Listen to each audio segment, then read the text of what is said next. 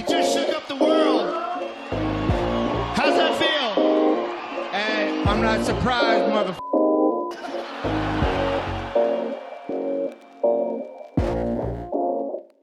Vad snusar du för någonting? Om du, om du får dra en... eh, Du får chansa. Vad ser jag ut som? För, Du- fördoms. Okej, min, för, min snusfördom om dig är i så fall ettanlös. Det är jättenära. General. Nej, men du, det är ettan, fast portion. Ja, okej, okej. Ja, det är portion då. Ja. Du ser dock ut som en lös kille.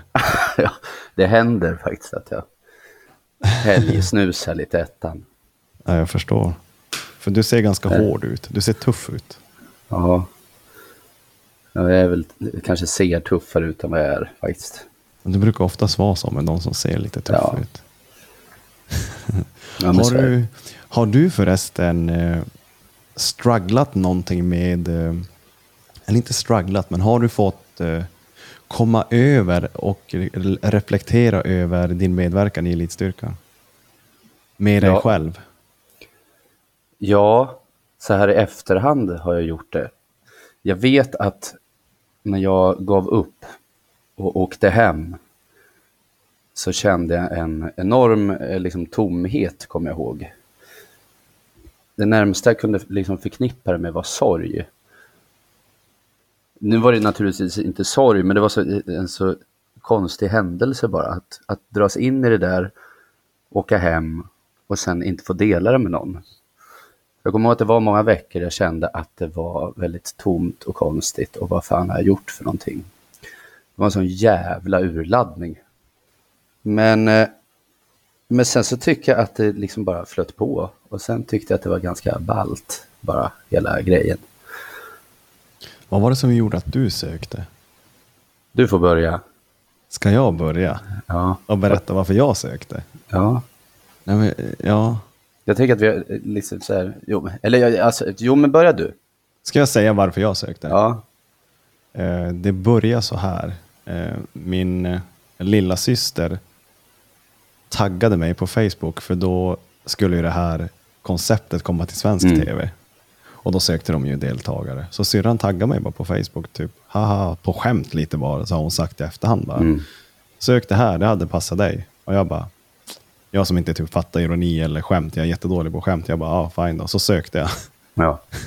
Och hon bara, okej, du sökte alltså? Jag bara, ja du sa ju det. Hon bara, ja med lite skämt. Jag bara, ja men jag sökte och så ringde de upp mig bara en eller två dagar senare. Och så gick man ju vidare till den här intervjun. Men, men varför jag sökte? Men det är ju för att den vanliga, man gillar utmaningar. givetvis. Man vill se vart min bristningsgräns är, om det Ja. ens finns någon. Ja. Eh, det är väl egentligen det. Det är väl först i efterhand. Det var väl så jag kände då. Eh, Oj, vänta en sekund. ja. Så. ja jag- sitter du på in- TikTok? Nej, jag var inne på Discord. Så. ja. Lirar du också? Eller? Ja, det gör jag. Det kan vi prata om sen. Vi kan Fortsätt. göra det. Ja. Eh, nej, men så det var väl så jag kände där och då när jag sökte. Mm. Sen, har det, sen har det blivit, jag tänker annorlunda nu Mm. när det kommer till extrema utmaningar. Men där och då så kände jag så att jag vill lite grann bevisa för mig själv och, vad jag, vad jag, och se vad jag klarar av. Ja. Hur kände, hur kände du där när du sökte? Jo, men jag ha- har en, hade ska jag ju säga faktiskt, en pappa som var väl, han var aktiv inom det militära i allra högsta grad. Och han gick, jag tänker också att jag kommer att prata lite om det sen, han gick, han gick bort. Och eh, när jag såg det här programmet att det skulle, jag såg eran säsong givetvis och tänkte att det här ska jag vara med i. Och när jag hade sett eran säsong så nörde jag också i, ner mig i, i SIS, Who Dares Wins och alla de här. Och det fanns en amerikansk också som jag inte kommer ihåg. Jag bara visste också, jag vet inte, jag bara visste om, om jag lägger en, en ansökan nu så kommer jag att komma med. Vad fick du att tro det? Nej, men jag man får känslor för saker och ting bara. Okej, ja. Jag tänkte, nej, men jag kommer att göra det här. Dels så sökte jag som en liten sån hommage till farsan, för jag vet att han skulle ha varit väldigt stolt och väldigt impad över, över det.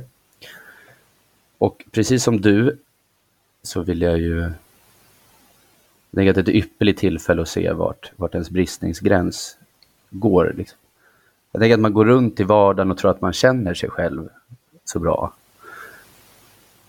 Tills man liksom ställs inför det, det vi gjorde. Och givetvis också så är jag ju ett, ett uppmärksamhetsfreak. Jag tänker att fan vad ballt att få vara med i tv. Jag var också singel på den tiden.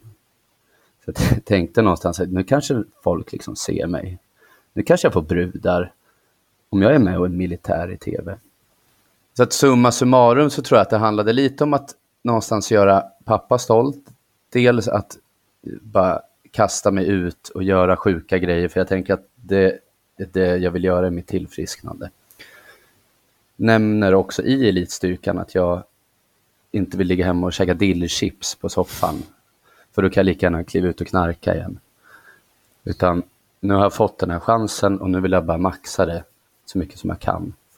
Och en liten del av mig är ju också lite så här känd. Det finns ju någon, att bli upptäckt och känd och, och liksom följare och sådana här grejer. Eh, tänker jag också vara en bidragande faktor till det. Och det kändes mest genuint, ska jag också säga. Då kan man ju söka till, till, till liksom Paradise Hotel och så vidare. Jag tänker att elitstyrkan, det vet vi det är på riktigt. Liksom. Det är ingen skitsnack. Jävligt intressant att du, att du vågar så pass ärlig.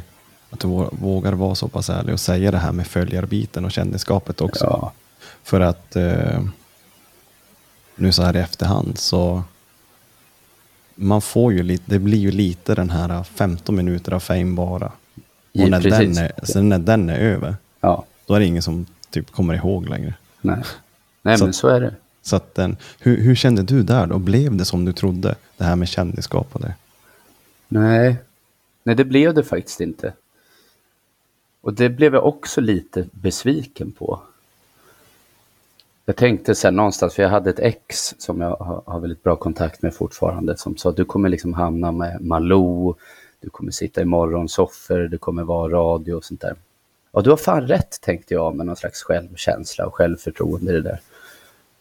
Men så blev det inte, och, och det blev väl också en sån här, som du sa, 15 minutes i strålkastarljuset. Sen var det bara, det var något nytt program som sändes, och det var det. Mm.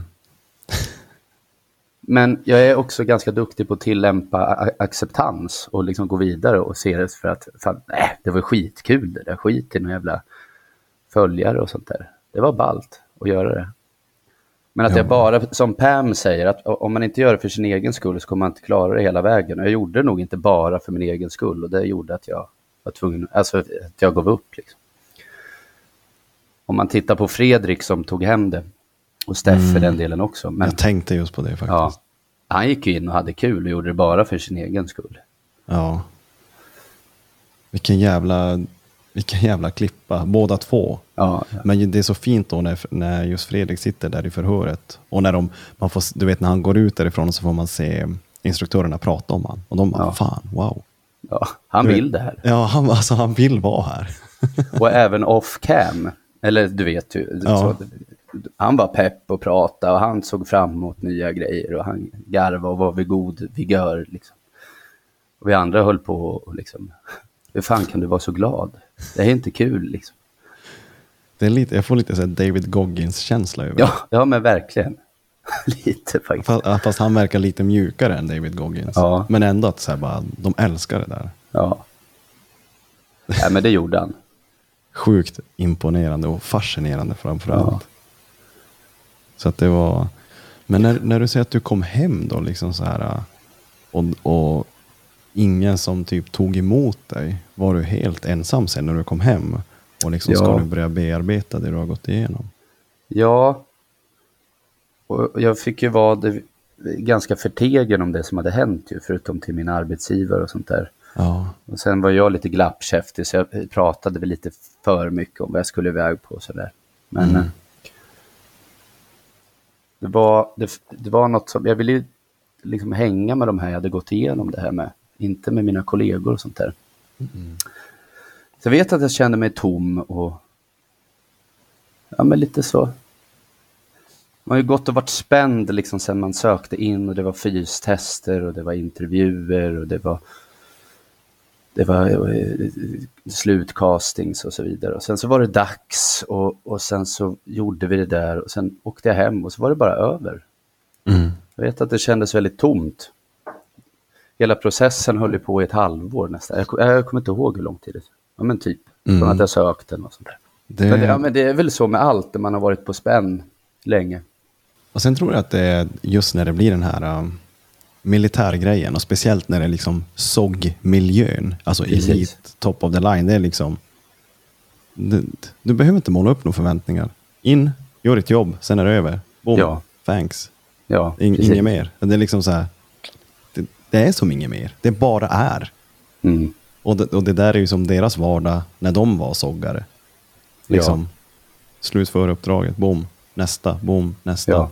Liksom så här, bara typ vara i nuet. Och det är inte så mycket mer än så. Inge, det är ingen uppmärksamhet till det, det är ingen bekräftelse till det. Det är bara get, uh, get shit done typ. Ja, så är det. Move on. Ja, move on liksom. Oh shit. Men eh, sen åkte jag hem och jobbade på. Och sen var det egentligen inte mer med det. Och sen så fick vi en liten chattgrupp. Det fick ni också va säkert?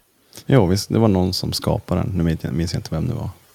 Ja, det var hon som var rekrytansvarig som satte ihop oss i en WhatsApp-grupp, kommer jag ihåg. Okej. Mm.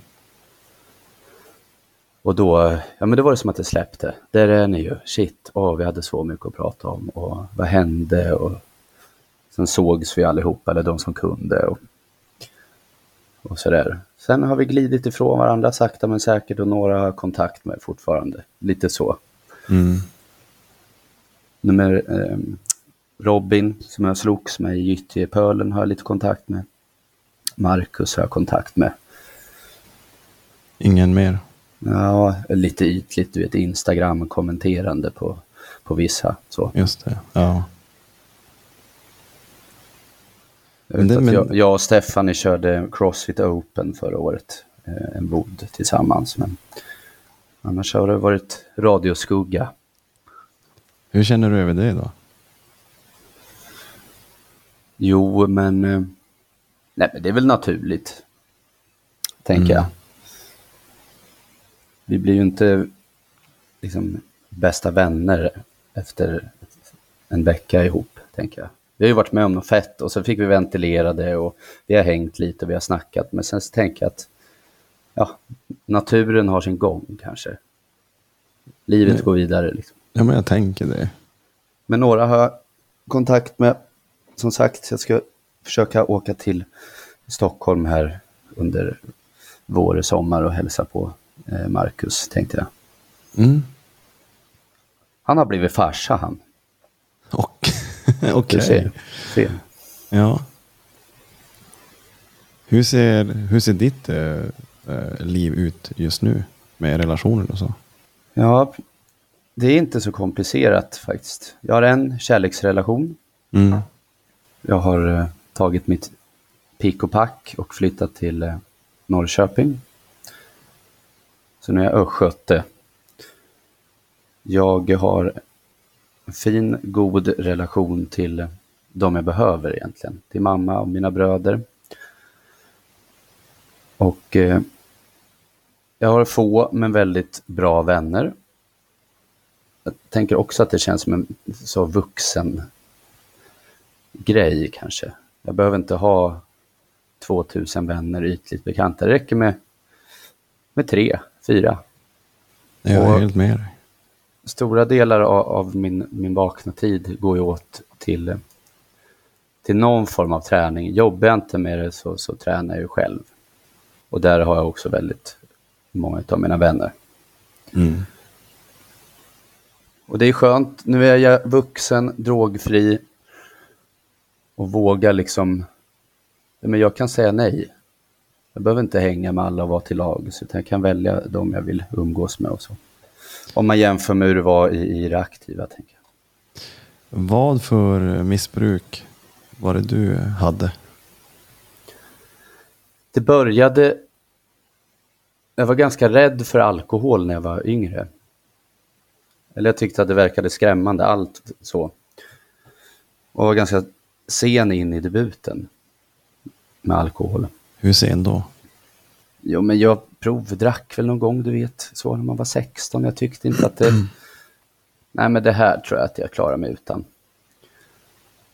Jobbade också på SN, kommer jag ihåg, som någon form av ungdomsreporter och skrev ett kåseri om alkoholens, liksom hur onödigt det var. Att eh, det här behövs inte. Men eh, efter, ja, när jag var 18 så, så valde min pappa att ta livet av sig. Och eh, det var som en, som, en blixt från klar himmel att det blev alkohol då som det som jag hade liksom avskytt och varit lite rädd för och inte tyckt eh, det fanns ingen nöd, alltså det var inte nödvändigt att dricka alkohol, blev nu en varm filt att svepa om sig med. Så jag började med alkohol och drack väldigt mycket och intensivt. Och som vi vet så förstärker ju alkohol känslor. Och jag var väldigt, jag var superledsen, traumatiserad och, och kände mig väldigt ensam. Så att alkoholen och lite äldre grabbar blev, blev min tröst i det hela. Så att det började så. Och det trappades sedan upp med eh, mer kemiska substanser. Så jag kommer ihåg att jag blev, eh, jag blev introducerad för, jag hade käkat någon ecstasy vet jag. Jag hade rökt li, lite eh, gräs, men inte riktigt fastnat. Sen blev jag vid ett tillfälle. Vi blev bjudna på efterfest. Av för mig relativt okända människor. Jag kände någon där, men vi hängde på. Noterar att det tas fram någon form av pulver och hälls upp på en tallrik. Och frågan kommer naturligtvis till mig. Ska du ha? Och då står jag där och tänk, eh, eh, tvekar inte en sekund. Och så tänker jag att givetvis ska jag ha det. Jag vill också verka lite van för att det här är människor jag inte känner och det är personer med droger på sig. Så jag tänker att de kanske är liksom... De vill väl inte tycka, jag vill inte framstå som en tönt framför de här. Och det var 3MMC, 3, alltså någon form av krabba, mefedron, typ. Kristaller. Och precis som alkoholen hade gjort med mig. Så efter det där, den där linan så kände jag att nu vet jag exakt vad jag ska göra resten av livet. Jag ska bara knarka. Det var som att jag öppnade upp någonting i huvudet på mig själv som jag inte hade haft tillgång till innan. All sorg, all stress, all, allt det negativa försvann. Jag blev lätt som en, som en fjäder. Liksom. Jag blev glad och härlig och varm och kärleksfull. Och jag mådde liksom inte speciellt dåligt på det dagen efter. Och så där höll det på. Och så tänkte jag, ja men, jag tror att jag kom på en egen teori häromdagen om droger. Att första gången man tar droger, då har det 100% effekt.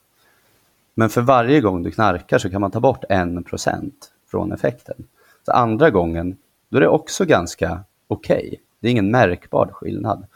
När du har knarkat 30 gånger, då får du liksom 70% effekt bara av första gången. När du har knarkat 90 gånger, då det ger det bara liksom 10% effekt av den första gången du tog det. Det här är givetvis bara pseudo. Eh, men jag tänkte mm. att den, den, passade ganska bra. Mm. Jag är med, jag är helt med. Så att det där meffet vet jag tog slut efter ett tag. Men det fanns ju schack. Jaha, vad är det då? Ja, men det är typ lika bra. Liksom. Det är nästan ännu bättre. Okej. Okay. Och jag var liksom full on drug addict från första gången jag tog det där, den där, det där strecket. Liksom. Så att jag tvekade inte, jag tog det där och fick liksom en annan sorts high. Som jag älskade. Den unlockade en annan del av huvudet. Som jag, från att vara liksom kärleksfull och sånt där som, som jag blev på mefedronet så blev jag nu kreativ, snabbtänkt, ganska lugn, självsäker och så vidare. Och det här var i samband med att jag målade mycket graffiti. Så att de gick hand i hand de där. Mycket skiss och hiphop och, och amfetamin. Liksom. Och vips så hittade jag min huvuddrog. Och det var tjacket. För den höll en så jämn bana hela tiden. Om man tittar på ecstasy och, och sånt här så behöver man vänta ett tag innan man tar, tar det igen. Tjack kan man liksom ta hela tiden. Och efter ett tag upptäckte jag att jag även alltså jag kan jobba på det. De liksom korta stunder jag hade jobb. Ja, men det funkade bra liksom. Och eh, sen börjar det ju liksom smyga på sådana här saker som man inte har tänkt på. Paranoia. Det blir liksom, det, det här festandet har, det är inte fest längre. Nu är det inte, jag, nu är det inte längre jag som bestämmer. Nu är det drogerna som bestämmer. Man hamnar på skumma ställen. Folk knivhotar varandra. Det är pistoler, det är uppgörelser, det är liksom slagsmål. Folk tar överdoser. Ändå är man liksom kvar i det där och tänker det där hände inte mig. Ja, men det, blir, det blir bara en spiral neråt. Från att ha varit sommar, sol, droger, tjejer, poolpartyn. Du vet. Det går ganska fort tills det blir ett mörker. Liksom. Men tjacket var huvuddrogen och sen så givetvis alla droger runt omkring. Benzo. För att trappa ner. Eh, Subutex. Eh, kokain givetvis, de gånger man hade råd med det. Men inte som, ja, ja, heroin. Inte någon injektion av bara liksom, eh, jag har rökt heroin någon gång och sådär. Men det var ändå amfetaminet som var min bästa vän under några år.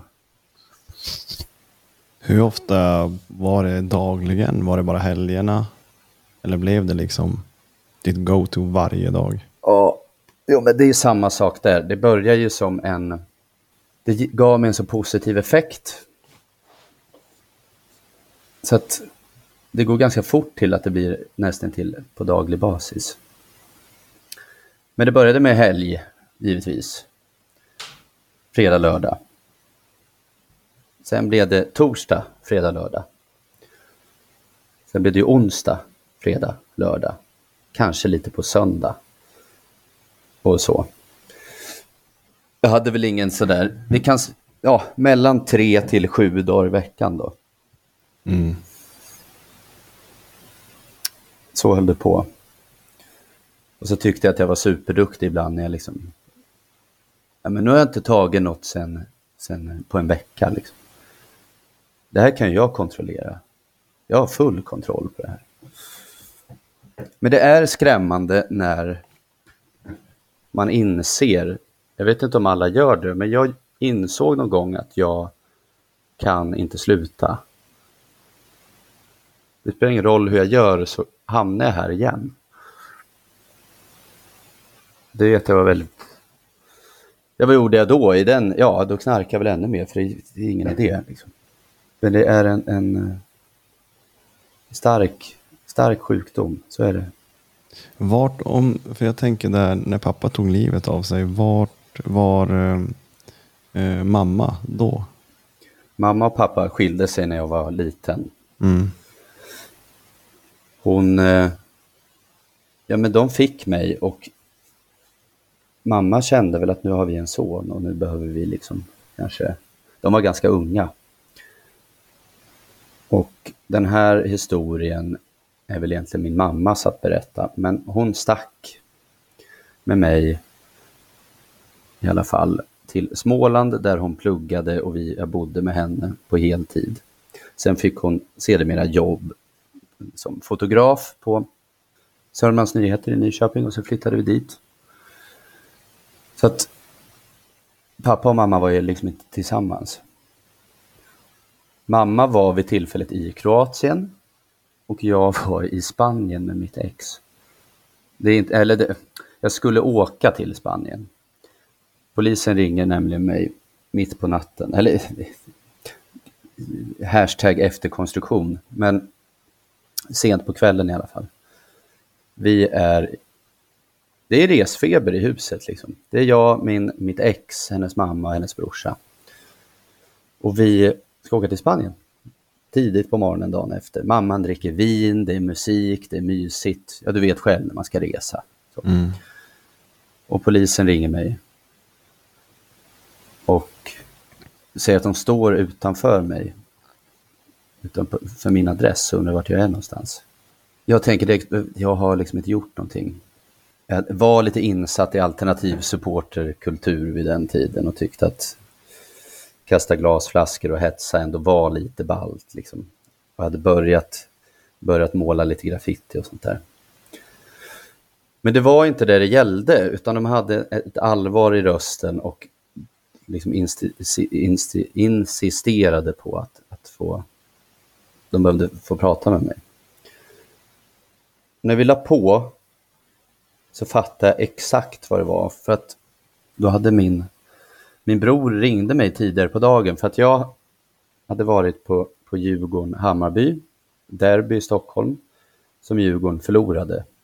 Och jag vet att på vägen dit, när jag satt i bilen, så ringde min lillebror och var upp, alltså han var stressad. Någonting stämde inte utanför för pappa. Han hade varit där, han skulle hämta fiskegrejer. Bilen var snett parkerad, persiennerna var neddragna, någon, du vet stämningen lite som jag nämnde, du vet när man vet någonting, att det mm. kommer att ske bara. Som när jag sökte till elitstyrkan. Alltså, det jag vet att om jag bara, jag, så. Han visste att någonting var galet, så han tog, han hämtade inga fiskegrejer och stack därifrån. Och jag hade liksom inte tid att prata med honom. Men när polisen sa att det gäller din farsa, då visste jag okej, okay, han har tagit livet av sig. Och mycket riktigt så kommer de dit och eh, jag fattar att det här är, det är inte jag som har begått en kriminell handling här, utan de är här för att lämna ett tråkigt besked och det gjorde de. Och de berättade att han hade tagit livet av sig. Och ja, sen så, jag, det är så konstigt, jag kommer liksom ihåg hela kvällen där. Vi tittade på Ladder heter den 49 med Joaquin Phoenix, brandmansfilmen. Ja. ja.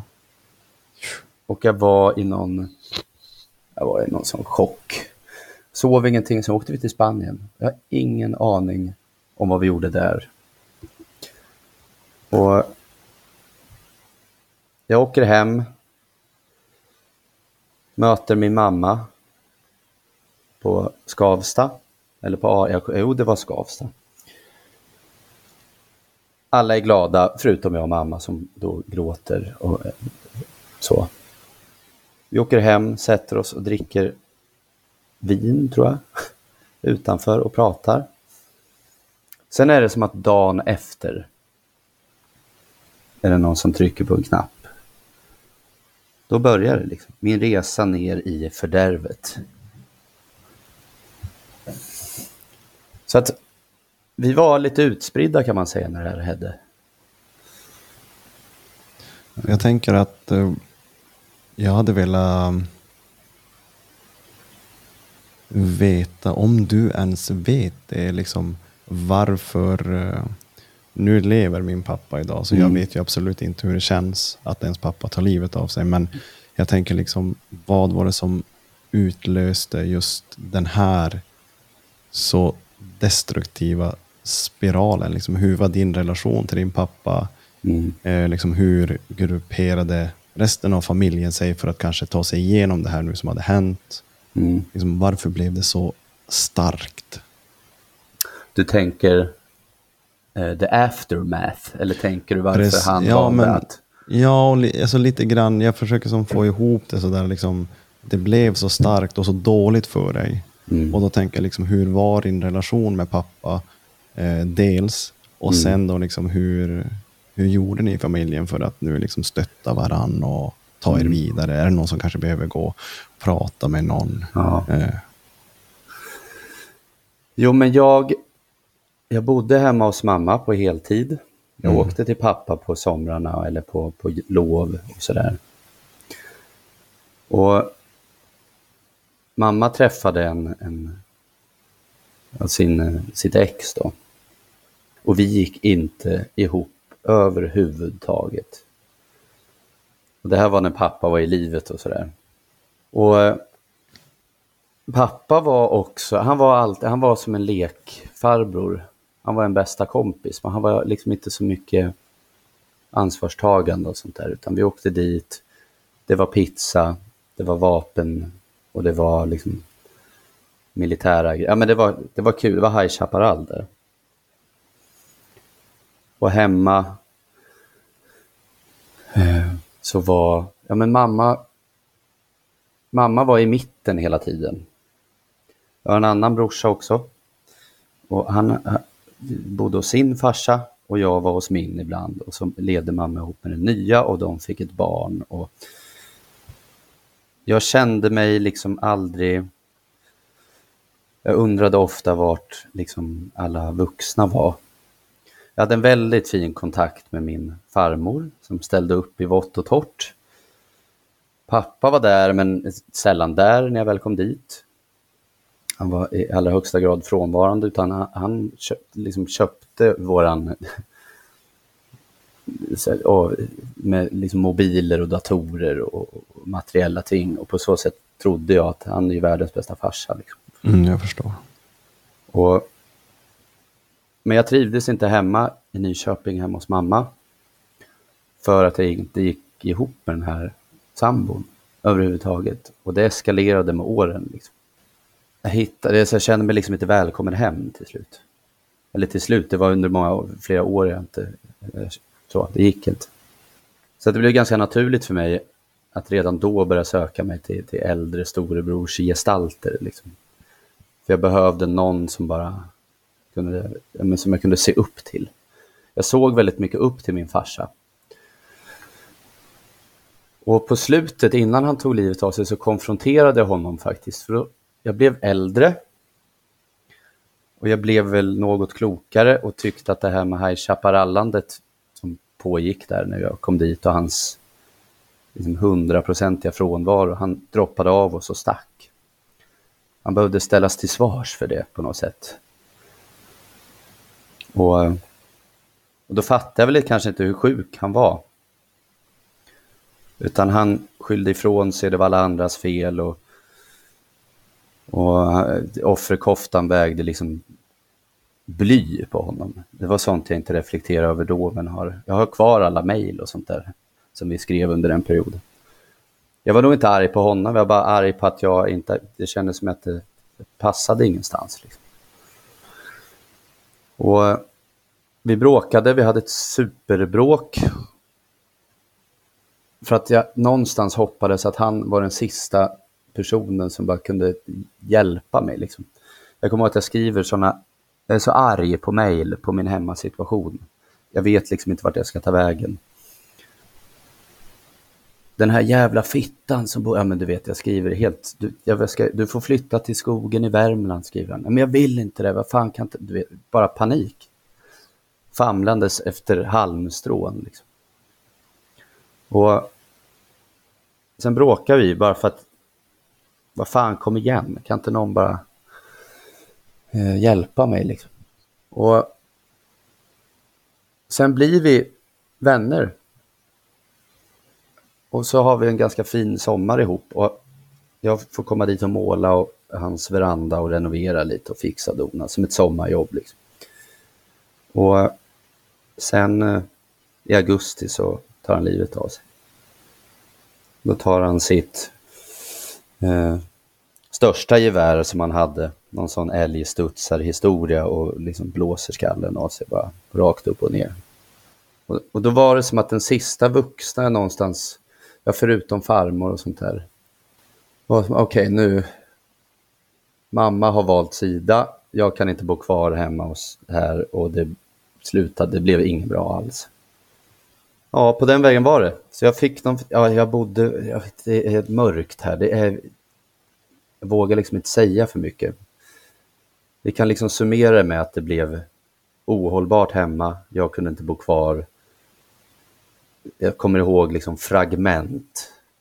Jag är arg, det är mycket våld, jag är full, jag bor på soffor. Jag blir, jag blir hämtad och skjutsad till psyket någon gång. Ja, men du vet, den typen av... Jag är, jag är ung, jag är ledsen och traumatiserad. Och när han har dött och vi står i det där så vet jag att jag är liksom inte mottaglig längre. Jag tycker det är för sent allting. Så jag gör väl på, jag vill liksom inte ha med mamma och dem att göra riktigt. Och jag får en lägenhet som jag ska bo i. De köper en lägenhet och placerar mig där. Och det blev ju inget bra heller. Och det tog... Eh, Ja, alltså, jag här har jag berättat för mamma också. Det är många år jag bara ser henne som en ekonomisk källa och sådär. Vill egentligen inte ha så mycket med dem att göra överhuvudtaget.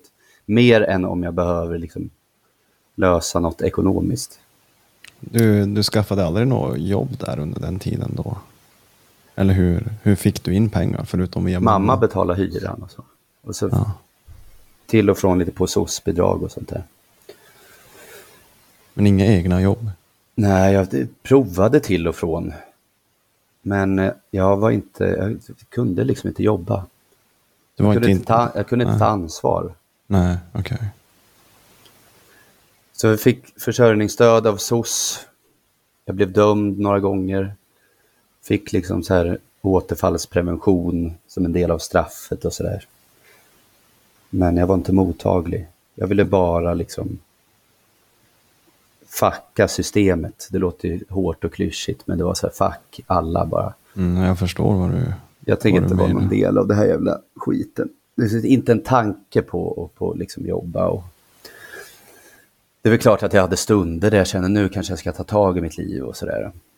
Jag provade att plugga till, till undersköterska och jag fick lite ströjobb och jag fick jobba lite som kock och lite frukostpersonal och jag fick vara snickare någon gång. Och, och folk lovordade mig och var så här, fan om du fortsätter så här så, så, så har du ett jobb liksom.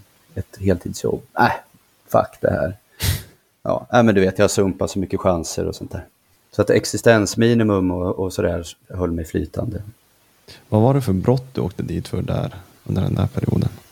Misshandelsbrott. Jag har faktiskt utdrag från belastningsregistret här hemma. Är det... Vållande till kroppsskada, misshandel, misshandel, misshandel skyddstillsyn, eh, skadegörelse, olovligt anskaffande av alkoholdrycker. Den du. Mm. Det är lite sånt. Men jag tänker att när det är så mycket misshandel, det blir inte fängelsestraff då, eller? Jo, de yrkade på det. I synnerhet min sista misshandelsdom. Mm. Men jag har sluppit det. Okej. Fotboja och sånt där då? Ja, precis. Nej, ingenting sånt. Okej. Om man får säga då bara böter Ja, och skadestånd och ja. Och samhällstjänst och sånt. samhällstjänst. Just, och just det, den också. Ja. Ringa narkotika har jag lite på slutet och sådär. Men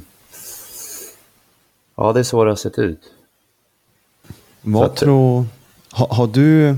Vet du varför det blev som eh, så destruktivt för dig när just pappa gick bort? För att som du sa innan så hade du ju som bara testat lite alkohol och, Ja, och, och sen bara där och då. Det, alltså, du berättade ju att liksom den här sista vuxna nu som du Ja. kanske hade behövt i ditt liv nu försvinner och att på så sätt meningen också försvinner i livet. Och att det är det som gör att du blir så dålig. Ja. Vet du själv svaret på varför det som hände hände? Eller var det bara... Jag tror att jag var i, i, i aldrig, i, det finns ju aldrig någon rätt ålder att behöva vara med om någon närståendes bortgång. Men jag tror att jag var i ett skede i livet där jag var som mest mottaglig för det. Mm. Hade jag varit som nu, 32, hade jag kunnat hantera det på ett annat sätt tror jag. Eller om jag hade varit fyra år. Nu var jag 18 och var liksom... Man står ju där och undrar vad man ska... Vad, man börjar ifrågasätta saker, man ser kritiskt tänkande och, och börjar fundera, vem ska jag bli, vem ska jag vara? Och man är fortfarande i en behovsställning till sina föräldrar och sånt där. Och, och jag vet inte, jag upplever också att jag hade kämpat så mycket med att få någon slags... Alltså, jag hade velat att min farsa skulle vara närvarande och sånt där. Det slog också kanske extra hårt just för att han var någon form av hopp för mig. Mm. Jag tänker Jag, också det. jag ventilerade så mycket med honom och ringde och vi skrev kort och framförallt mejlade mycket och sådär. Han var någon jag alltid kunde prata med om allting. Liksom. Och det, drogs ifrån mig. Och på sättet han gjorde det, alltså det finns ingen tror jag som helt obemärkt går förbi någon när någon närstående skjuter huvudet av sig. Jag tror bara att eh, Ja, det var som, som att liksom släcka lampan bara. Från en dag till den, an- till, till den andra. Liksom. Så, så började spiralen neråt. När du sa att pappa också var sjuk. Ja, På vilket sätt var han sjuk? jo men det här var inte första gången han tog livet av sig. Det det går ju bara att göra en gång. Men han har, han försökt att ta livet av sig innan. Mm. Och ringde och berättade och hotade om att han skulle göra det. Han hade vanföreställningar. Okej som jag har fått återberättat efteråt. Han såg och hörde saker. Han gick på, på lugnande mediciner och sånt där. Jag vet att han bitvis också drack alldeles för mycket. Och en sån här sak som jag, jag märker till, eller kom att tänka på när jag blev äldre, var just att jag tror att han dricker. Han smygalkar lite. Han hade nämligen en, en dunk under diskhon som det stod träsprit på. Han sa alltid, den här får ni inte röra för då kan ni bli blinda. Det är träsprit. Och vi var livrädda för den där dunken. Givetvis fattar jag nu efteråt att det var hembränt i den där. Det var ingenting annat. Mm. Och han var också väldigt uppmanande till, till att dricka öl och, och liksom konsumera porr och, och, och vapen och sånt där. Och det är ju superfett när man är liksom 14-15 år. Men hur, hur bra är det egentligen? Ja. Så att jag tänker att han var sjuk både mentalt. Han förlorade också mycket närstående när han var... Hans tjej hängde sig i skogen när han var liten. Eller när han var ung, hans första kärlek. Man hittade henne i, i hängandes i ett träd. Typ. Han var också med om trauma när han var... Och hans bästa vänner dog. Ja, men du vet. så. Och den generationen var kanske inte superkända för att prata känslor och ventilera. Så han skakade väl av sig det där och levde vidare. Men det fick också konsekvenser. Han kunde inte bli lämnad, där var, därav den här frånvaron jag nämnde, att han, han sällan var där för han, han var livrädd för att bli lämnad och han fick sådana vanföreställningar. Och, och så extrem borderline, liksom. Ja. Det blev verkligt i huvudet på honom. Jag tror att det drev honom till vansinne till slut och sen fanns det ingen annan utväg än att bara avsluta det. Mm. Mm, det makes sense. Ja. Har, alltså, han du liksom så här efteråt nu också med, med tanke på hans handling. Mm. har du slut i fred med honom? Ja, Liksom att du kan, vad ska man få säga det som så, att då, liksom, som du nu berättar, att han hade sina trauman och det hade sina konsekvenser, vilket ger, kan ge dig mer förståelse för hur din pappa var.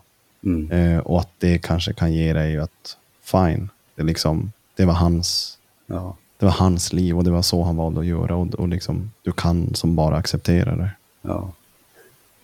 Ja, jag kan nästan vara liksom tacksam över att det har hänt på något vänster. För att det har gett mig sånt perspektiv och, och jag har blivit...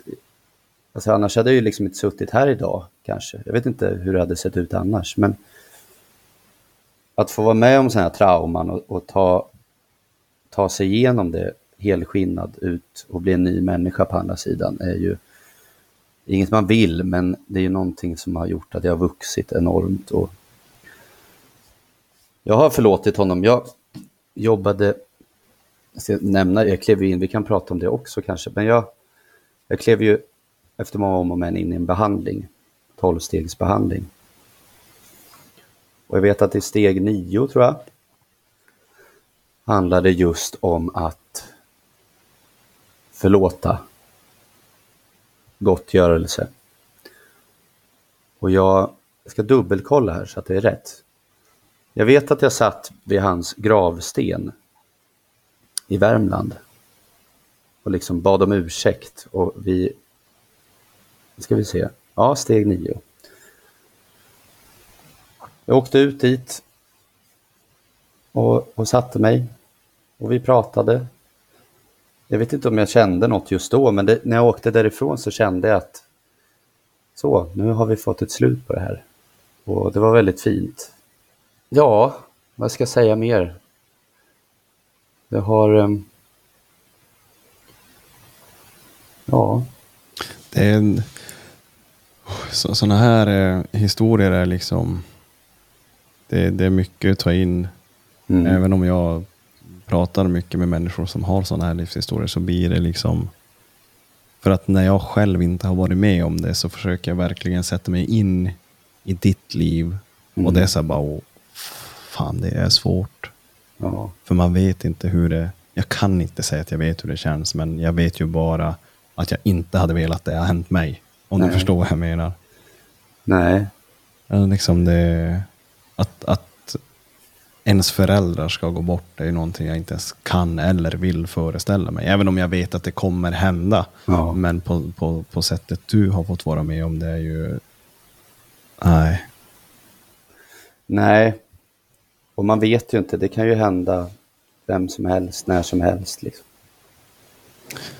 Och då blir det också så här, äh, jag kan tänka mig att du, äh, liksom när du får titta tillbaka på din pappa, att han liksom verkligen hade behövt någon, han hade behövt få prata i Ja. tid. Ja, det hade han. Och vilket kan, kan göra att du är eh, nu väldigt öppen och liksom eh, inte försöker gömma dig eller försöker gömma din historia utan eh, ingen är ju perfekt och liksom Nej. Om vi vågar erkänna våra misstag och vågar prata om dem så vi kan hjälpa någon annan, vi hjälper oss själva. Det kan göra att någon annan vågar prata om sina misstag. Mm. Men om man går och bär på de här hela tiden, vilket jag också gjorde under mitt missbruk, alltså man, till slut kommer det till en punkt där det exploderar. Ja. Ja, Så- verkligen fullkomligt exploderar alltså. Vad var det som, liksom, eh, du har ju berättat om hur det kunde se ut i ditt liv under ditt missbruk, men vad liksom, eh, vad var det som gjorde att eh, liksom, nu rann bägaren över, nu, nu är det dags att bli ren? Mm. Vad var det då? Ja, den slutgiltiga. Alltså jag tänkte att efter varje, liksom, när man ligger och tänder av ensam en, en, en tisdag morgon och känner att nej, nu får det fan vara bra. Sen får man sova och, och ligga lite och så går det liksom över. Och så är man på till igen sen bara. Nej, men nästa gång nu, jag ska sluta imorgon. Mm. Ja, imorgon. Nästa vecka, då jävlar. Att man blir så trött på det där till slut så att man ger upp bara. Men ja, det absolut sista, då var jag så... drogerna hade slutat fungera. Jag... Eh, det kom i fatt med allting bara. Jag hade inte kommit någonstans på... Ja, på, på liksom nio år. Jag var kvar i samma liksom... Det, alltså, jag var lika ledsen som jag var som när farsan dog. Liksom. Mm. Och jag kände för första gången att jag inte, nu är jag inte rädd för att, för att dö, liksom, utan jag var beredd att faktiskt gå till handling. Och det gjorde jag ju en, eh, ja, vad ska vi säga, sen natt, väldigt tidig morgon. Då drog jag nätverkskabel från, från datorn. Jag tror att jag hade en extra till och med som jag försökte att, eh, för då hade jag till minnes så kommer jag ihåg den här eh, Flashback, eh, självmordet, kommer jag ihåg det? Mm, han som... Eh, Hängde sig live, just, ja. just det, ja. Mm. Jag kommer ihåg att han satt ner och gjorde det här. Han lutade sig, liksom, han hängde upp det här, den här snaran semi-högt upp, liksom, så han bara kunde luta sig bakåt. Jag kommer ihåg att jag också tänkte, det kan jag göra i duschen. Då kan jag bara hänga upp den där och sen bara falla. Så att jag sitter så att rumpan liksom svävar 20 centimeter från marken, för då har jag liksom all tyngd på min nacke och hals. Jag börjar rigga i ordning det där och test, testar. Och märker då att jag inte är... Jag är ganska lugn och tycker att det här, det känns rätt. Jag är liksom beredd att avsluta det här nu. Och jag tänker fan inte lämna efter mig några jävla brev, utan de ska vara ledsna och de ska hitta mig så här. Och jag eh, drar iväg något jävla meddelande till en kompis som jag hade varit med tidigare under natten, kvällen och säger nu skiter jag i det här. Och då är det som att någonting utom kroppsligt. Jag går ut, alltså i tredje person så här. Det är som att mitt framtida jag bara kliver ut ur min kropp och säger, men det, du, du är ämnad för något så mycket större än det här. Du kan ju för fan inte sluta här i, i ett badrum i en svart hyrd källare liksom. Som du, det här, nej men nu får du ge dig. Och då avbröt jag det där och kände att det är ju självklart. Det är inte nu jag ska dö liksom. Sen drar jag i mig ett streck Subutex, noddar och blir, ja men jag blir påtänd igen. Mina vänner kommer dit, vi åker och köper sig. De är med mig, jag däckar. Ringer mamma någon dag senare och erkänner att jag, eh, jag, liksom, jag håller på att missbruka, jag håller på att knarka ihjäl mig här.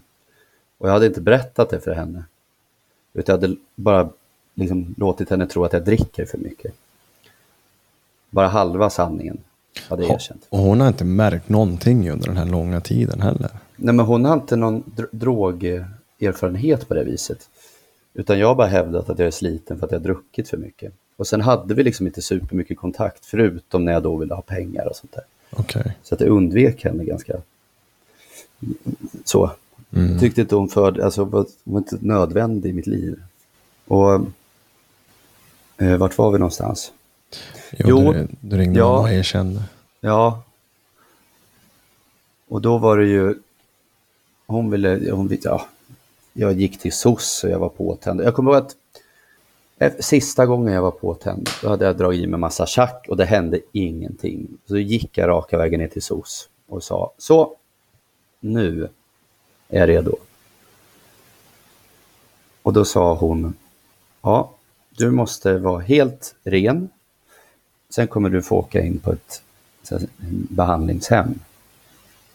Och du kommer få göra tolvstegsbehandling. Och så vidare. och då tänkte jag, nej vad fan, jag, hemma kan jag bo. Jag, kan bo. jag tänker inte flytta, jag är ingen knarkare liksom. Jag kan inte flytta in på behandlingshem. Och sen så gick jag ändå hem och funderade över det där och så gick jag tillbaka efter någon dag och sa, men vi kör. För någon gnutta förnuft hade jag och jag tänkte att om jag bara gör som de här människorna säger nu så tror jag att det ändå blir bra. För om jag gör som jag själv tycker så kommer det bara leda mig till, till, till droger igen. Liksom. Om jag nu gör som någon annan säger så, så vi provar det.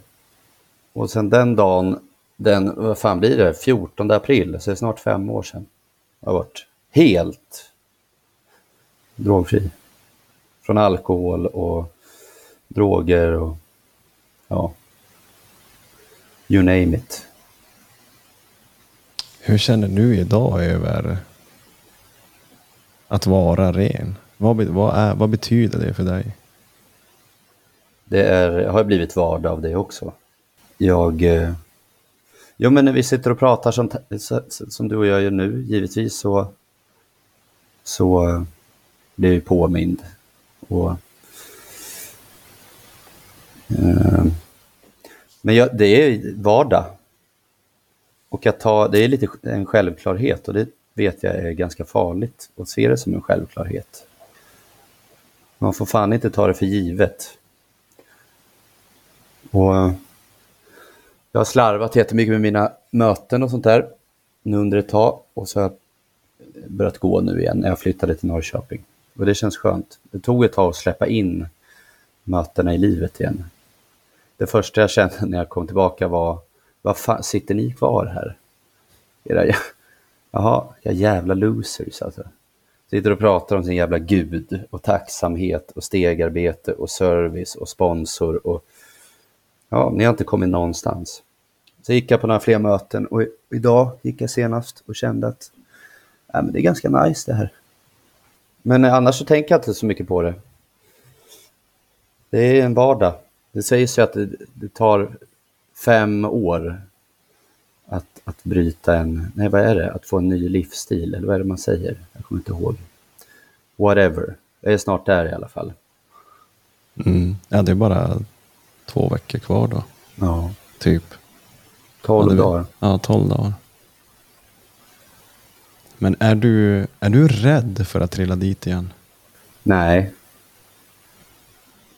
Det är jag inte. Jag tror inte att jag skulle trilla dit för att jag mår dåligt, utan det är nog för att jag skulle drabbas av högmod, tror jag. För att jag mår bra och tänker att en, en öl kan väl inte skada. Liksom. Mm, just det. Just det, just Att jag står där med mitt eh, eventuellt framtida barn och, och grillen är tänd. Hör vilken stereotyp man jag är nu. Men jag står där med eh, frugan är inne och gör något och, och solen skiner och så tänker jag, men vad fan. Nu har det ju gått tio år. Nu kan man väl ta sig en, en, en corona. Liksom. Och eh, det tror jag, är- är det något jag skulle falla på så är det det att jag tror att jag har frisk förklarat mig själv. Ja. Shit, den där är svår. Ja. För jag ser, jag tittar på mina beteenden som jag har nu. Och jag är ju så pundig i allting jag gör. Vill du, vill, du, vill du utveckla för de som kanske inte vet vad du menar?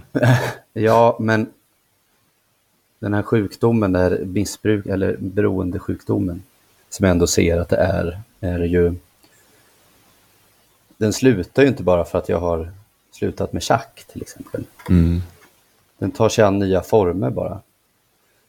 Så i mitt nyktra liv så är det ju alltså, shopping givetvis, jättesnabba belöningar, sex, mat, träning, jättemycket träning, snus, cigg, energidrycker, också över, över, över konsument utav samtliga de här samtidigt stundtals.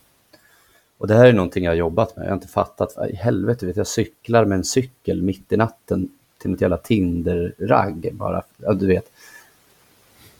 Samtidigt som jag har tio snus i käften och fyra monster som jag har druckit. Ja, men du vet. Jag är i alla fall drogfri intalar jag mig själv när jag cyklar mitt i natten. Och det där har jag skrivit och jobbat supermycket med. Och nu har jag landat i att det är, jag shoppar fortfarande. Och, eh, men inte i samma grad. Liksom. Och jag, nu har jag en sambo som jag är trogen och, och eh, trivs jättebra med. Och annars hade jag inte flyttat hit. Och träningen, den sker, eh, den är inte liksom, det är ingen besatthet längre. Mm. Men jag drar iväg ibland ändå. Och framförallt den här jävla mobilen alltså. Inte minst. Dessa liksom mobilspel jag håller på med.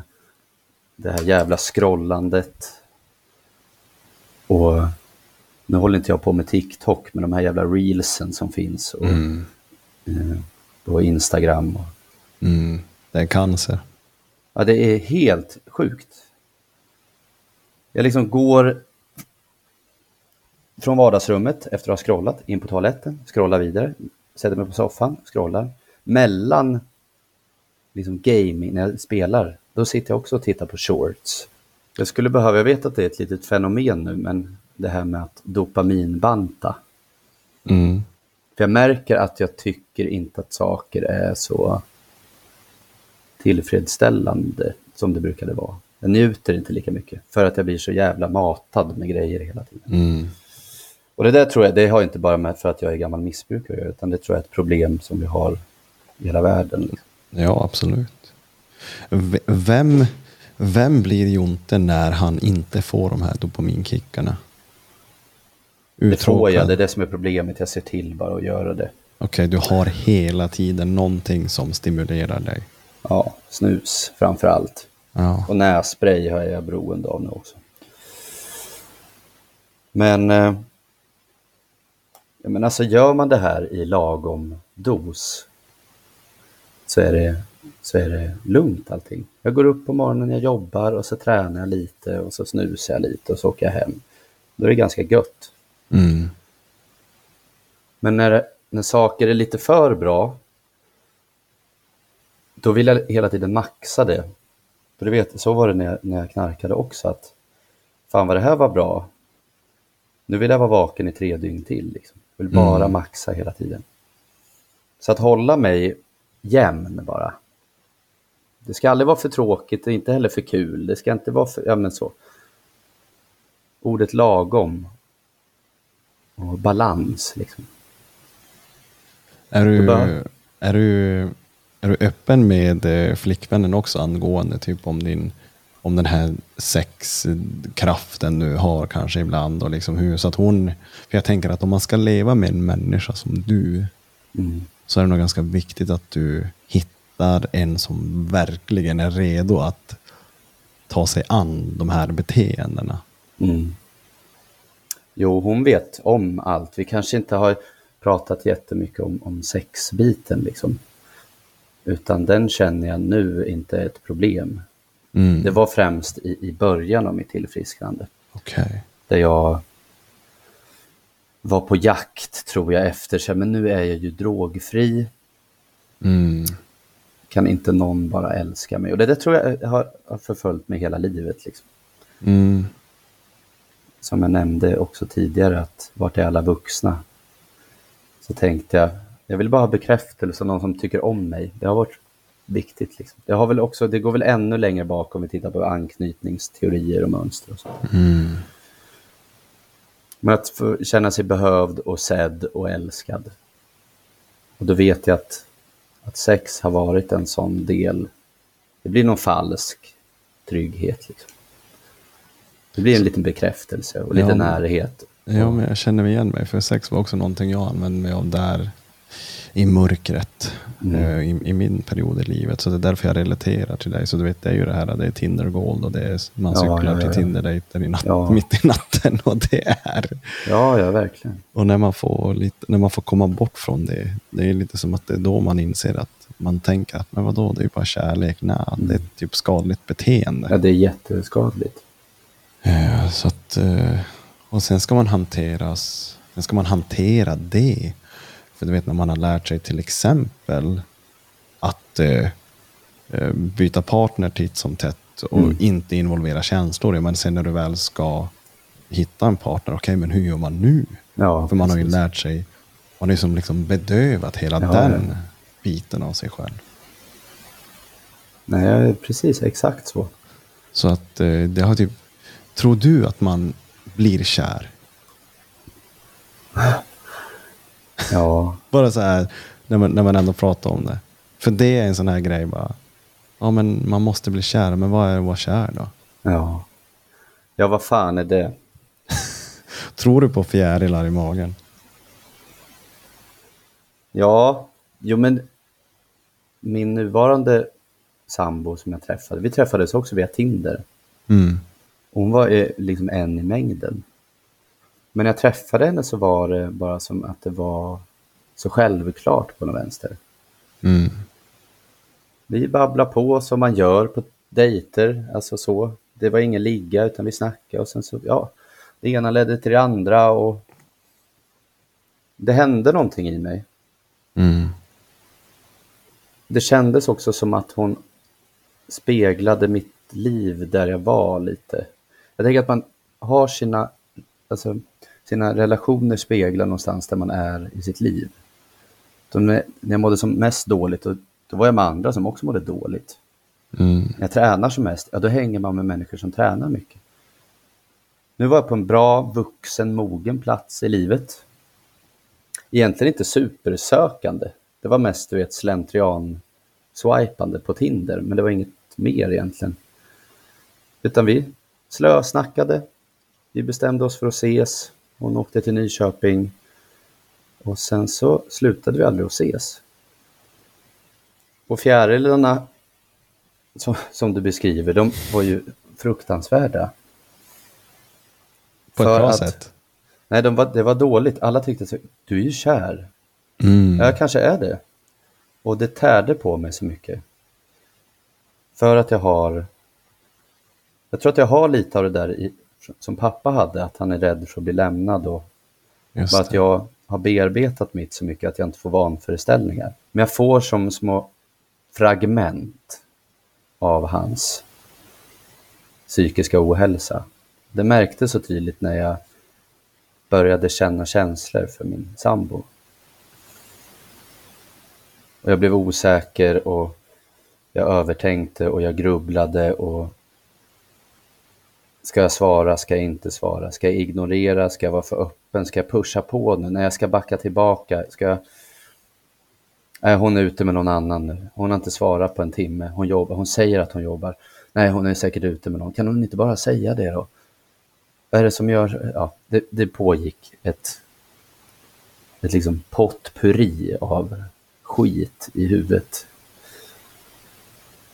Hur jobbar du med det när det kommer? Jag pratar om det. Mm. Jag ventilerar kanske lite för mycket till olika människor. Men jag, har, jag kan inte låsa sånt här inom mig för då blir jag galen. Mm.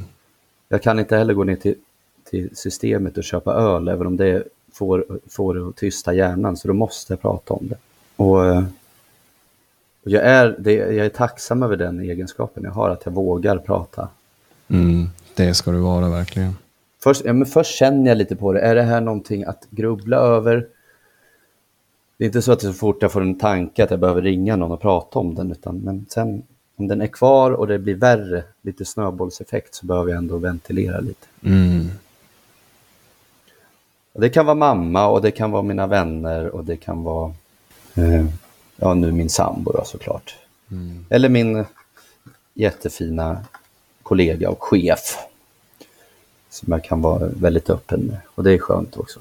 Det är en jävla historia du sitter på Jonte. Ja. Och än är den inte slut. Det, det är häftigt. Det blir liksom bara, det bara händer grejer. Fortsätter hända grejer. Nu har vi, om man får säga tur, så har du, så har du bara kanske levt en tredjedel av hela ditt liv. Ja, precis. Om du blir riktigt gammal. Ja. Ja, så är det. Så det är ju väldigt fascinerande. Har du funderat på att skriva en bok någon gång? Nej. Mamma, mamma tycker att vi ska göra det. Jag ska också säga det att jag och mamma har idag världens bästa relation med varandra. Mm. Och eh, vi ringer varandra nästan varje dag. Och eh, vi har det idag superbra. Så det finns liksom inga hard feelings där överhuvudtaget. Vi har pratat och vi har... Ibland pratar vi om det du och jag gör nu. Vi pratar om den här kvällen och vad som hände efter och hur det var Mm. innan. Och...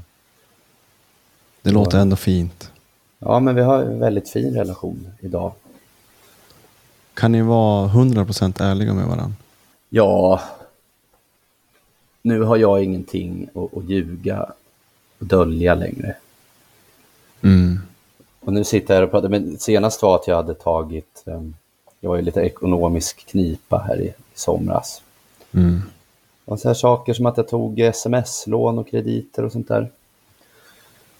Och... eh, Nej, men nu har jag liksom, nej, men jag är ärlig. Mm. Sen undanhåller jag, hon behöver inte veta allt jag gör i mitt liv, men, men det är ingenting som, som är eh, farligt och kriminellt. Och, Nej, precis. Så. Det var väl det kanske jag mest tänkte på. Just att när man har byggt en så fin relation från allting Ja, som har hänt, att man använder eh, styrkan man har byggt upp till att Ja. faktiskt finnas och hjälpa varandra. ja, Så det är ju superhärligt att höra. ja, Och, och jag tänkte också när du nämnde att eh, jag menar sms och lå- sms-lån och sånt få till Mm. folk som undrar om man tjänar några pengar och vara med i en dokusåpa i, i TV4. det är inte så glamoröst med, med den ekonomiska biten. nej, nej, det är faktiskt inte.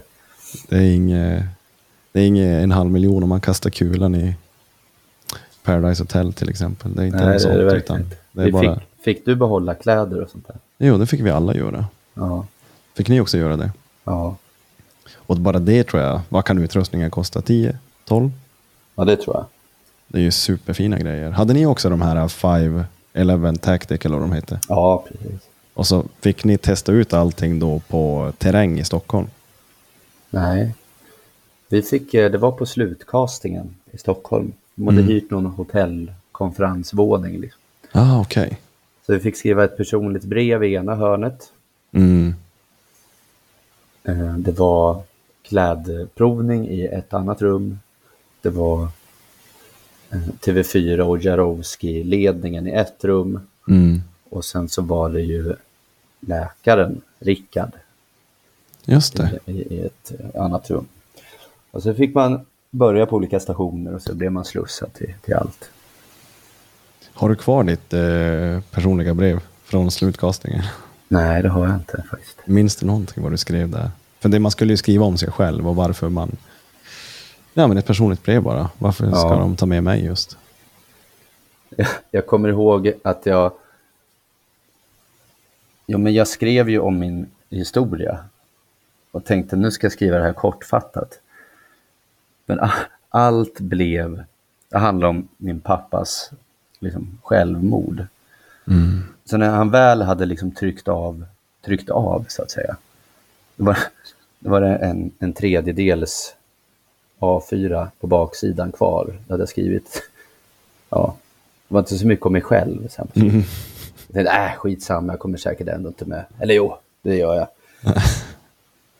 Men, eh, ja, de tog inte med mitt förhör, kommer jag ihåg. Det var nog för tråkigt. Som du det- hade i tv då alltså? Ja, Okej. Vad hände på det eh, förhöret? Vem är du? Det var Bella och KP tror jag. Ja, det Mm. var. Nej, jag är en vanlig kille sa jag.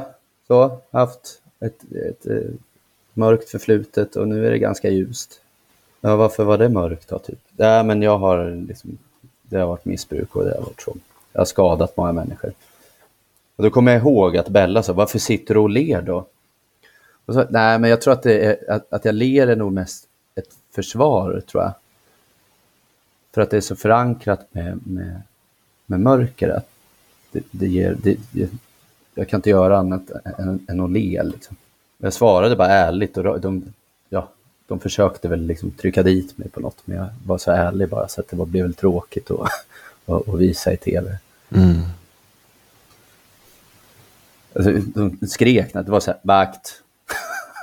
Skit i honom. Skit i honom. ja.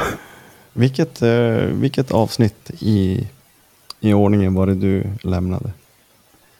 Jag... Eh, I slutet på avsnitt fem. Mm. Jag åkte hem på natten avsnitt. Ja, eller alltså på, till dygn sex. Jag kände, jag tänker inte göra en grej till mer nu. Ni hade, hur kändes det att ha den här um, synken efteråt? När ni hade faktiskt åkt ut, då fick ju ni prata lite grann i, i det där rummet eller vad det var. Ja, vi fick ju prata det där titt som tätt ju. Mm, just det. Det var ju en sån eh, bikt, typ. Fick ni välja att gå in dit då, om ni typ hade något och bara ville lätta hjärtat? Nej, eller nej. ni vart som skickade dit då alltså? Ja, de, det vet du, du, du. Vi var ju mickade hela tiden, det var ju ni också. Jo. Så de hör ju om vi pratar om något. Vi säger att du och jag pratar om att idag var det tufft, jag funderade fan på att ge upp alltså. Mm. Ja, jo, ja, det var fan, jag gjorde illa benet. Då kan de skriva, nummer sju, in till bikten. Ah, okej. Och så står det ju på den där lilla skärmen där. Du nämnde att du ville ge upp, berätta mer, eller hur, känner, hur mår du nu? Och så fick man. Ah. Ja. Ja, ja. Ska du, ska du titta säsong tre? Ja, det är väl premiär typ idag eller imorgon. Nej, imorgon. Skär, skärtorsdag? Ja, det är på torsdag. Tror jag det var. Eller? Ja, det är nästa vecka i alla fall. Jo, det måste man säga. Vilken, vilken säsong hittills tycker du har varit bäst? Eran eller våran? Eran. Christian sa samma sak. Ja. Och jag tyckte eran var så jävla cool. Men jag tror att det, det är för att vi själva har varit med i den. Ja vi, pratade, ja, vi pratade ju om det just. Att det är nog för att man har varit med. Det känns som att fan, ni fick ju inte med det där och vad fan, det där skulle ni ha. Och det var lite så här hafsigt ihopklippt tyckte jag stundtals. Och, Ja, och det var liksom, det var lite rörigt. Var, varför åkte han hem? Varför åkte hon hem? Vad hände där? Och så där. Jag tyckte era var mer linjär liksom. mm, Att ett, det var lite mer tydligt så. Våran var lite mer dyster och mörk på den vänster. Atmosfären var lite liksom mörkare. Mm. Typ. Har, du, har, du, har du pratat med någon från säsong tre? Är det någon som har kontaktat dig angående någonting? Eller har du, har du någon koll på de som ska vara med? Eller? Ja, en kille Mm. som la ut något som jag kommenterade. Och han sa, jag har en liknande historia som du. Mhm. Och eh, nu kör vi, typ. Just det. Mm. Ja, men jag kommenterade någonting typ, visst var det roligt, eh, flörtgubbe. Typ. ja, för fan, eh, något, eh, jäda jäda, vi har gjort. Eh, ja, precis. Ja, min vän, det var allt på samma gång. Haha. Du vet ju om någon, vi kommer från samma bakgrund, så vi har en connection ändå. Mm. Vart spelas den här säsong tre in? Vart var den? Åre. Okej. Mm. Och ni var vid Höga Kusten? Mm. Sundsvall eller? eller Härnösand, Härnösand, så heter det. med omnejd. Mm. Möttes ni upp i Stockholm då eller? Ja, vi, eh, några gjorde det. det var, vi, vi skulle ju ha det var också corona och sådär och vi uppmanades att ha, vi var tvungna att ha munskydd.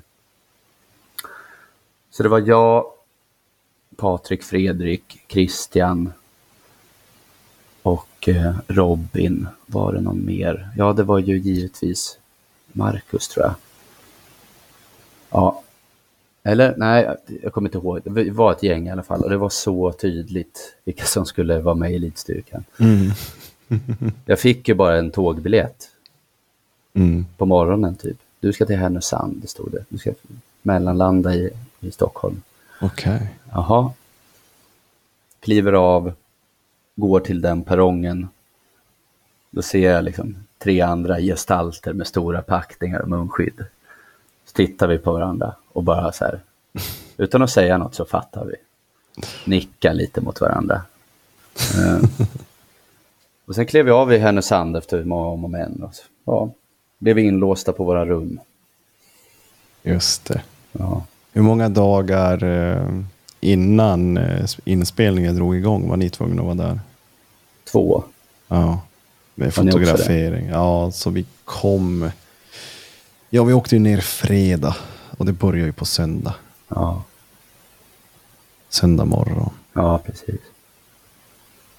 Så det var fotografering och synk och Ja, lite sega dagar där innan. Man ville ju bara att det skulle dra igång. ja. Men du skadade ju. Jag fick hjärnskakning. Ja, Och det var det är faktiskt min första hjärnskakning i livet. Och jag har varit så här, jag som ändå har spelat hockey och liksom vänner som har haft hjärnskakning. Och sett på det som att, du vet de är så här bara, hoffan, slå av ljudet, typ, jag kan inte ha ljud. Jag får panik och jag blir så här, bara, men va?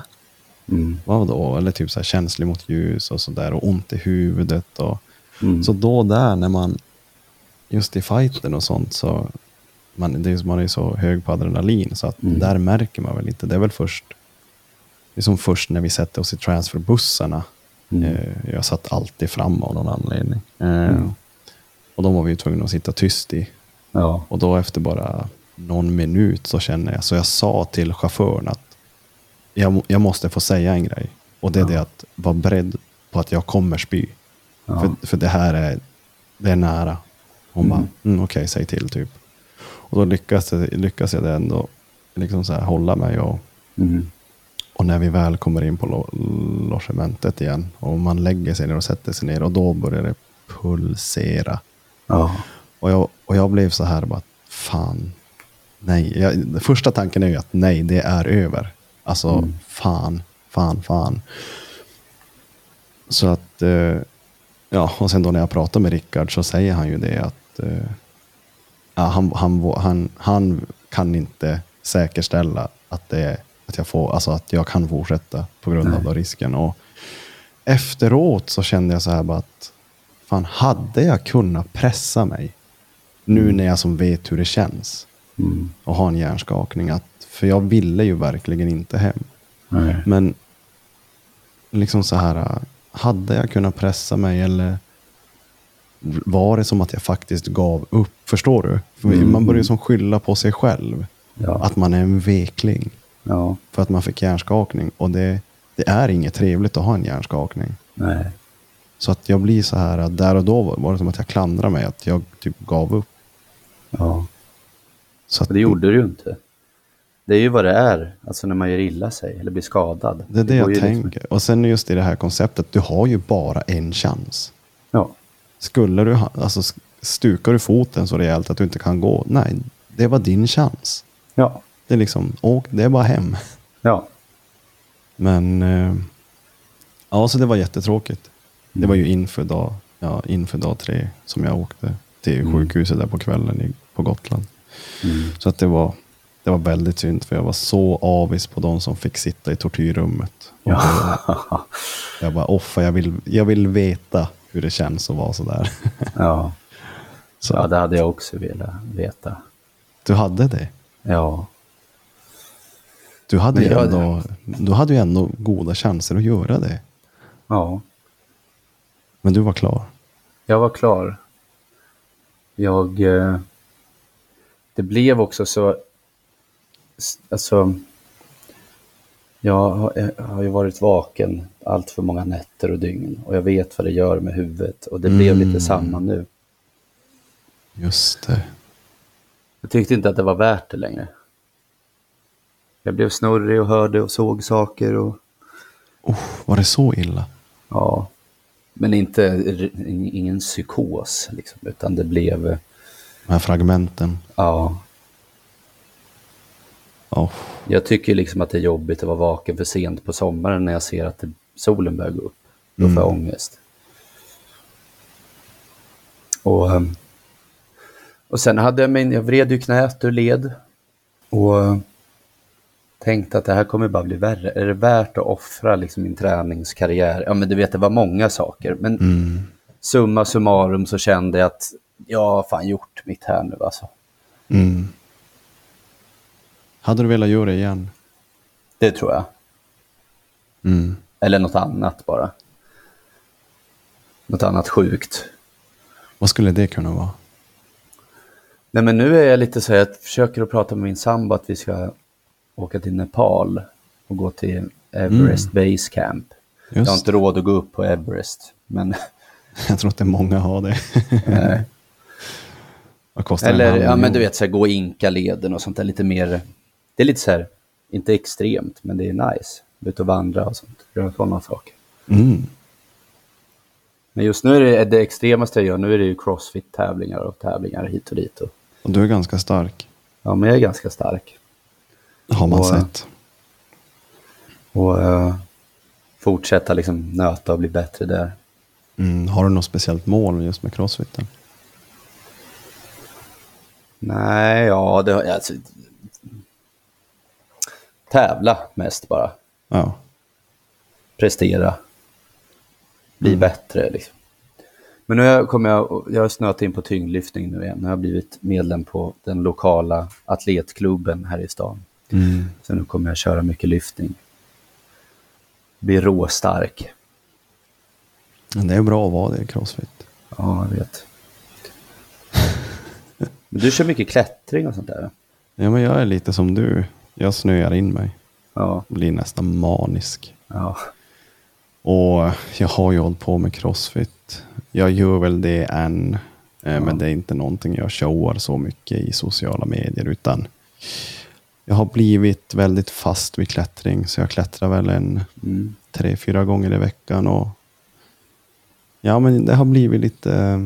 Klättring är min terapi. För när du är på väggen Mm. och du knappt kan hålla fast dig på väggen. Det är som att skulle du ha något problem eller några tankar som du går och tänker på. Mm. När du är på väggen så kan du inte tänka på de problemen. Nej. Utan du måste bara se till att lösa problemet du har framför dig på de här greppen och ta dig upp för väggen. Ja. Det är det enda du kan tänka på. Allt annat Bo- försvinner. Bokstavligt talat problem, det heter väl det? Precis, ja. Och så har det väl alltid varit. Och känner, det är lite som att gå ut och springa. Medan man springer så kan du fortfarande tänka tankar och sen efteråt så är du ganska tom och liksom, du har fått det ur dig. Men med klättring kan du inte ens tänka på något annat än att bara lösa problemet. Så, att, så att jag ser det som min träning är min medicin. Ja. Och klättring nu är någonting jag har snöat in på. Ja. Och som det känns nu så kommer jag, jag vill som alltid klättra och Ja. så kör jag kör ungefär kanske, säger att jag tränar ungefär 10 pass blandat och klättring och gym i veckan. Mm. Mm. Och så blandar jag då ibland lite crossfit och ibland lite styrke. Och, Mm. så att, det- men, men jag vill bara kunna, jag vill kunna vara funktionell, jag vill kunna må bra, jag vill kunna gå i en trappa utan att bli andfådd. Ja. Jag vill kunna åka skidor utan att jag är helt slut efter en halvtimme. Ja. Så att eh, jag vill bara kunna ta mig igenom livet på så. ja, man vill ju orka hänga med liksom. Ja, det är ju så. Och vi vet ju att med, med åldern så blir det ju inte lättare att hänga med. Nej, Så att det är ju lika att vi bygger någonting. såklart. Det är exakt så. Så att eh, jag har väl inget speciellt mål just när det kommer till Jag vill kunna må bra. Mm. Det blir ju ett mål då, att må bra. Ja. Använda träningen av, ett, av en sund och rätt anledning till livet. Ja. Eh, Även om man blir manisk ibland. Ja, men det får man bli. Så jag känner, jag känner, i din historia så känner jag mycket som det träffar mig. För jag har känt, jag kan som relatera till det där. Ja. Speciellt när det kommer till snuset, till Ja. monster, energidrycker, Ja, ja. liksom sex och allt det där. Att det är ju fortfarande liksom, ja nu, man, man tar inga droger men vi gör ju faktiskt någonting annat. Ja, så är Så, det. så att det är ju jävligt intressant det där. Mm. Men, ja fy fan, du har en jävla historia Jonte. Jag var inte riktigt, eh, jag ska inte säga att jag var oförberedd, men däremot så var jag, när man får höra sånt här så blir det, det blir en liksom aha, alltså wow, Mm. shit. Skriv en bok. Mm. Jag tror du kan hjälpa många människor där ute. Ja. Så att ja som, som sagt, ett, kan jag så ett frö någonstans så, så eh, är jag mer än, än, nöjd. Liksom. So call me a cynic, call me a bummer. I don't wanna be that way anymore. This life that I've been living, living without color, ain't a life worth living. Hey. Om, om du får ge dina tips och tricks här i livet till oss här ute. Om du får sätta din prägel på det hela. vad vill du då och vad kan du säga åt oss och ta med oss inför framtiden? Jag tänker att eh, så har jag gjort. Innan man börjar famla efter halmstrån så börja med det mest liksom, basala och få bukt på det. För jag tror att många glömmer det. Alltså att sov ordentligt, ät bra mat och rör på dig. Resten kommer liksom att lösa sig. Mm. Hoppar man över de grejerna så kan man gå vilka terapier och samtal och sånt som helst. Då kommer du sitta där med liksom stel nacke och ledvärk och det är karpaltunnelsyndrom och det är tennisarmbågar och det är höfter och det är koter som buktar och det är övervikt. Samtidigt som man sitter och äter grillchips och röker en cigg. Undrar varför det inte blir bättre. Så skit, så ät bra mat. Sov åtta timmar. Om det inte går, sov sju då. Och se till att röra på sig. Sen kommer de här liksom, sen kommer terapigrejerna och, och drog, alltså allt det här behandlingar och sånt där. Det kommer få sån jävla effekt. Men det mest basala först. Liksom. Så jävla man- bra. Ja, men då kommer man liksom vilja umgås med rätt människor. Man kommer vilja göra rätt grejer. Man kommer, det blir naturligt. Än att försöka forcera in det från fel håll. Liksom. Så det tror jag är, det är, det är mest det är i, i det enkla liksom. Så döljer sig liksom, ja du fattar. Ja, men jag håller verkligen med. Det är ett så jävla bra tips. Jag tror just den här frågan kan ju vara klyschig. Den är stor, vissa gör den liten. Men det är så här, det är upp till var och en vad de tycker att dela med sig om. Men det här är så jävla bra. Det är nog första Ja. gången jag får höra just det här tipset. För det är någonting jag också står bakom. Ja, liksom, det ligger, nu vet jag inte exakt procent, typ vad träning, om man, för de, de har ju någon undersökning på vad, mm. vad träning, eh, liksom hur mycket det botar. Och det botar ungefär, om det var 95 procent av alla dina problem. ja typ. Eh, någonting sånt, jag kan ta mig inte exakt på orden. Men, eh, Nej, men jag kan nästan göra det. Jag är helt... så, och liksom, Ja. där har vi det liksom svart på vitt. Och träning är inte att gå till 24-7 och göra biceps curls. Mm. Det behöver inte vara det. Det finns så mycket att göra. Man kan klättra, man kan köra crossfit, man kan springa i skogen, man kan köra frisbeegolf, man kan powerwalka, man kan köra knäböj upp och ner i soffan. Mm. Så länge vi inte tappar de här funktionella rörelserna så... Mm. För när vi börjar göra det, när vi inte kan böja oss och sträcka oss och, och fälla i höfter och krypa och gå, alltså då är, då är, det, då är vi jävligt liksom, illa ute. Mm, jag håller helt klart med. Sova bra, äta bra. och röra på sig. Var snäll mot, man, man ska vara snäll mot sig själv. Och det är man ju om man sköter de där grejerna, för då resten kommer liksom bara Precis. automatiskt. Det faller på plats. Ja, Lite som en, det blir som, ett, det blir som magi bara. Man Ja. bara wow, vad hände? Ja, du tog hand om dig själv. ja, jag sov och åt ja. och så sprang jag en halvtimme. ja. Men jag är överviktig, ja men då sätter vi oss på en cykel. Men det är mycket folk, men då gör vi det här du och jag själva någon gång. Mm, Eller vi går ut bara du och jag. Våga be om hjälp. absolut. Absolut. Ja, det är superbra tips. Superbra. Men eh, sjukt eh, tacksam över att du ville göra det här. Vilken jävla historia du sitter på. Ja, det var skitkul. Och eh, väldigt fint av dig att du kan vara så öppen och, och om ditt liv. Det, du, du kommer kunna hjälpa väldigt många människor om du inte redan har gjort det. Jag hoppas det. Så eh, jag är sjukt tacksam Jonte. Och- Detsamma Ponta. Det var... Ponta. Ja. Är det det man säger där i söder? Det är någon som heter Pontus. ja, men kanske ändå. Nej, men eh, grymt. Svinbra. Snyggt. Eh, till er där ute, ni vet vad som gäller. På återseende, ta hand om varann. Tja då!